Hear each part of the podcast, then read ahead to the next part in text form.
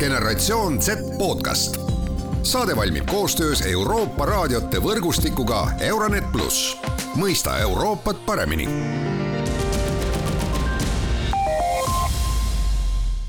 tere, head Genset taskuhäälingu kuulajad. tänases saates läheme spordi ja liikumise juurde.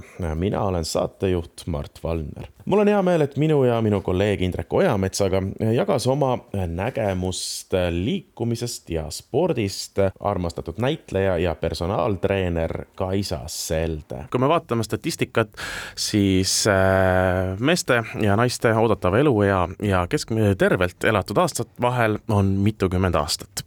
Iga kord kui me räägime uudistes sellest, et äh, Kaitsevägi võtab uued ajateenijad, räägitakse sellest, et Eesti noored on tohutult halvas äh, vormis äh, ja ei suuda selle kaheksa või kümne või kaheteistkümne kuuga hakkama saada.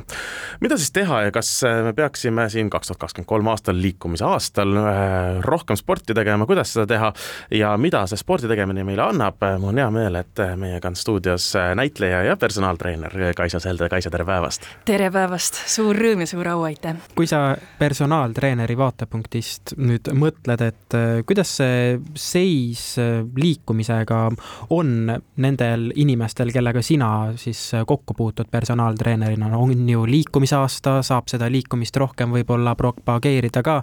milline see seis sinu arvates on? No ma näen, et hästi palju hirmu on tegelikult. Et äh, inimesed kuidagi, ma ei tea, ei julge liikuda, ma ei tea, kust see tuleb, et äh, kas siis kardetakse, et äh, tehakse midagi valesti, kardetakse, et keegi, ma ei tea, häbistab sind, naerab su üle, mis on täielikult sellised valehirmud, et selle jaoks ongi alati hea võtta personaaltreener, tema tekitab sinu ümber sellise turvamulli, saate rahulikult kõik läbi rääkida, läbi vaadata, et jah, sellistest hirmudest tuleb lihtsalt üle seista, ei ole midagi teha mm. -hmm. aga mis vormis need inimesed on, kes tulevad, kas nad on äh, need, kes tahavad nii-öelda saada järgmist taset oma kuskil treenitusastmel või siis äh, noh, tahaks alustada liikumisega? Äh, pigem ikkagi need, kes soovivad äh, jah, seda teist taset või soovivad kuidagi rohkem teadmisi saada, et äh, statistika ka näitab, et tegelikult need, kes teevad trenni ja käivad jõusaalides, nad teevad seda nii või naa ja käivad nii või naa. Nad kas siis vahetavad klubi, vahetavad treenerit, vahetavad eriala, aga hästi tihti või noh, tegelikult kõige tähtsam olekski saada need inimesed liikuma, kes seda üldse ei tee. Et kuidas nendeni jõuda, et kas see on siis see abikaasa poolt kingitud kinkekaart, mis tekitab hoopis abieludraama, on ju, või noh, kuidas, kuidas, jah.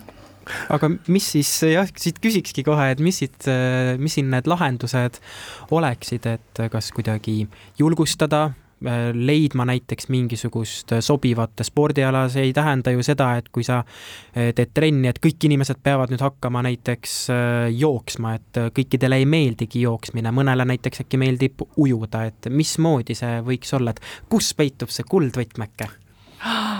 oi, kui ma vaid teaksin ja siia ma lisaks veel seda ka, et äh, samamoodi võib ka vahetada treenerit, kui sa lähedki sinna jooksutrenni, sa vaatad, et no tegelikult jooksmine on okei okay,, aga see treener ei meeldi, siis ära sellepärast ka käega löö, võta mõni teine trenn või noh, et äh, võimalusi on ju nii palju ja täpselt väga õige, nagu sa ütlesid, et igale inimesele sobivad erinevad asjad ja tuleb äh, katsetada, sest noh, ega olgem ausad, mina leidsin tee trenni tegemise juurde ka alles kahekümnendate lõpus, mis on no nii-öelda päris hilja, aga mulle jõudis kohale, et tegelikult kuni kolmekümnenda eluaastani ongi elu lill.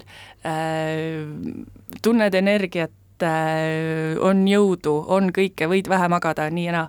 aga alates kolmekümnendast eluaastast, see on, need on nüüd faktid, ühesõnaga me liigume tegelikult ainult allamäge, meie äh, lihased hakkavad kärbuma, meie luutihedus muutub hõredamaks, et sellega tuleb siis regulaarselt tegeleda jah, see on äh, valus tõde kuulda äh, siin seda, olles üle kolmekümne aastane juba, aga e, ikkagi, miks peaks trenni tegema, miks meil on vaja liikuda ja, ja, ja mida see meile tegelikult annab? no kõigepealt tulebki enda käest küsida, et äh, miks sa tahad liikuda, mis su eesmärk on? kas sa tahad paar kilo alla võtta, kas sa tahad tugevamaks saada, kas sa tahad äh, enda vaimset tervist kuidagi parandada. et äh, minu arvates isiklikult peaks lähtuma tegelikult sellest vaimse tervise poolest. et kui palju meil tänapäeval ikkagi on igasuguseid ähm, häireid, igasuguseid noh, depressiooni, ärevushäired, kõik, kõik, kõik nagu pea et iga teine inimene kannatab nende all. võib-olla ma liialdan, aga äh, see, mul, mul on lihtsalt selline tunne, et äh, see spordi tegemine, enese liigutamine, enese ületamine siis seal trennis, enesega võistlemine, äh, nägemine seda resultaati, see kuidagi mentaalselt paneb kõik asjad paika. seda ma võin lubada, jah teisalt on ka see enese sundimine päris raske sinna trenni minema, et äh, päris palju oleme kuulnud ju neid lugusid, mis algab äh, jaanuari alguses, et kõik suure hurraaga lähevad äh, uusaasta lubadusega trenni ja siis kuskil mingi moment siis kukub see, et okei okay,, et ma ei tea, kas ma ikka täna viitsin trenni minna ja võib-olla mul natukene siit see põlv valutab ja siis ei lähe trenni ja oi, ei viitsi, õues puhub tuul. et äh, kuidas sellistest olukordadest üle saada, kui tegelikult peaks minema trenni, kõik oleks võimalik, et saaks minna, aga just see viitsimine tuleb kuidagi sinna mängu, et ei taha no siin on tegelikult väga lihtne vastus, et äh, inimesed lähevad suure hurraaga peale, nad käivad iga päev trennis alates, ma ei tea, teisest jaanuarist, nädal, kaks nädalat, nad väsitavad ennast totaalselt ära ja kuulge, isegi treenerid ei tee iga päev trenni, et selles mõttes võtke rahulikult. võtke üks trenn nädalas, sinna saab alati juurde liita selle teise trenni nädalas, et asi oleks jätkusuutlik, mitte see, et ma nüüd Äh, nädalaga lihased valutavad, teen sinna veel peale, siis ongi tohutu valu, tulevad vigastused, äh, väsimus ja lõpetan. rahulikult, tasa ja targu. aga see esimene samm diivanilt ukseni on ikka kõige raskem, eks ole? jah, on, see diivanilt uksele just, on, on ja, aga samas, kui sa juba seal kohal oled, siis, äh, siis läheb kõik väga hästi ja ühel hetkel tekibki rutiin. sa ise ei panegi tähele, kui jalad on juba viinud sind sinna spordiklubi ukse ette mm. -hmm. no üks teema, mis sa ka ise mainisid, oli see, et, äh, et, et trenni teha selle jaoks, et alla võtta. Äh, kes tahab kaotada paar kilo, üks asi on see, et oleks heas vormis ja vaimses tervises, eks ole.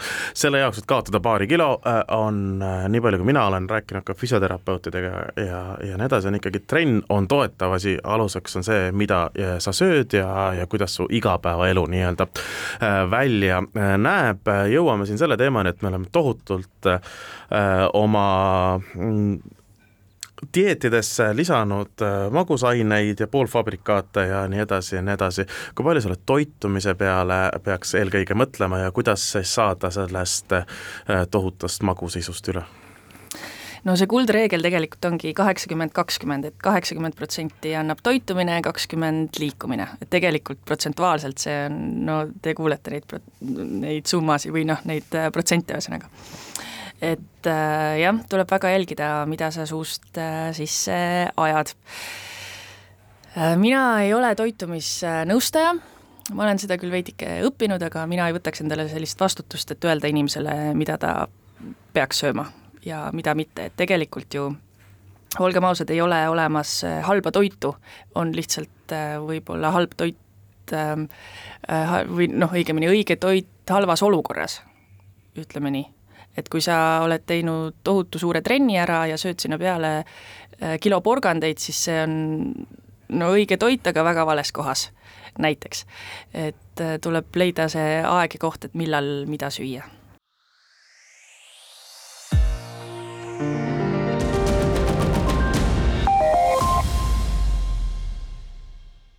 nüüd aga vaatame natuke rahvusvahelist pilti meie head kolleegid Rumeeniast intervjueerisid Keelu Duminichat, kes on sotsioloog ja kes räägib meile, missugused probleemid Rumeenia ühiskonnas on laste ja noorte liikumise ümber. Pentru că sunt învățați să facă chestia asta, pentru că mișcarea este o valoare comunitară și pentru că au infrastructura necesară.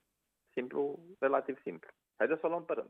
Väga sageli vanemad need, kes piiravad laste juurdepääsu spordile noores eas, arvates, et neil tuleb rohkem tegeleda näiteks matemaatika kui kehalise treeninguga. Kui teid ei õpetata treenima ning veetma aega õues joostes, mängides ja kasutades füüsilise tegevuse poolt tekitatud motoorseid oskusi, vaid selle asemel noored istuvad toolil ja mängivad konsoolidel, siis täiskasvanuna on eeldus teha täpselt samu tegevusi, see tähendab istuda rohkem toolidel kui füüsiliselt liikuda. käitumist õpitakse alati ning treenimine ja spordiga tegelemine on käitumine, mida me iseenesest ei omanda. Lääne ühiskonnas näeme tihti, et füüsilist liikumist õpitakse juba alates madalamatest klassidest koolis ja haridus toimub spordi kaudu. haridus toimub mängu kaudu, jah, ja mitte mingil juhul staatilises klassiruumis, kus lauad on üksteise selja taha rivistatud. ja siis loogiliselt on ka käitumismustrid erinevad, sest meid õpetatakse erinevalt meil pole infrastruktuuri, ma näen näiteks, et parkides äh, olevad spordiruumid on vähemalt nädalavahetustel üsna täis.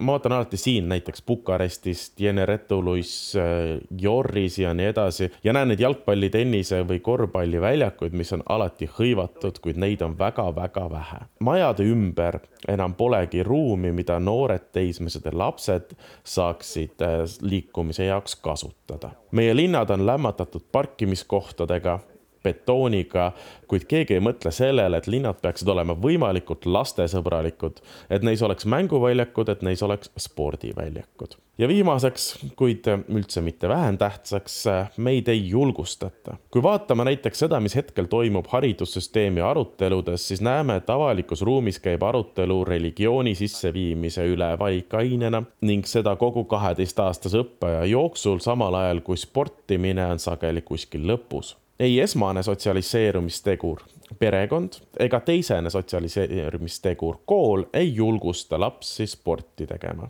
selline oligi tänane Gen Z taskuhääling põnevate äh, teemadega noortest ja noortele. oleme teie kõrvus juba varsti. saatejuht oli Mart Valner. generatsioon Z podcast saade valmib koostöös Euroopa raadiote võrgustikuga Euronet pluss, mõista Euroopat paremini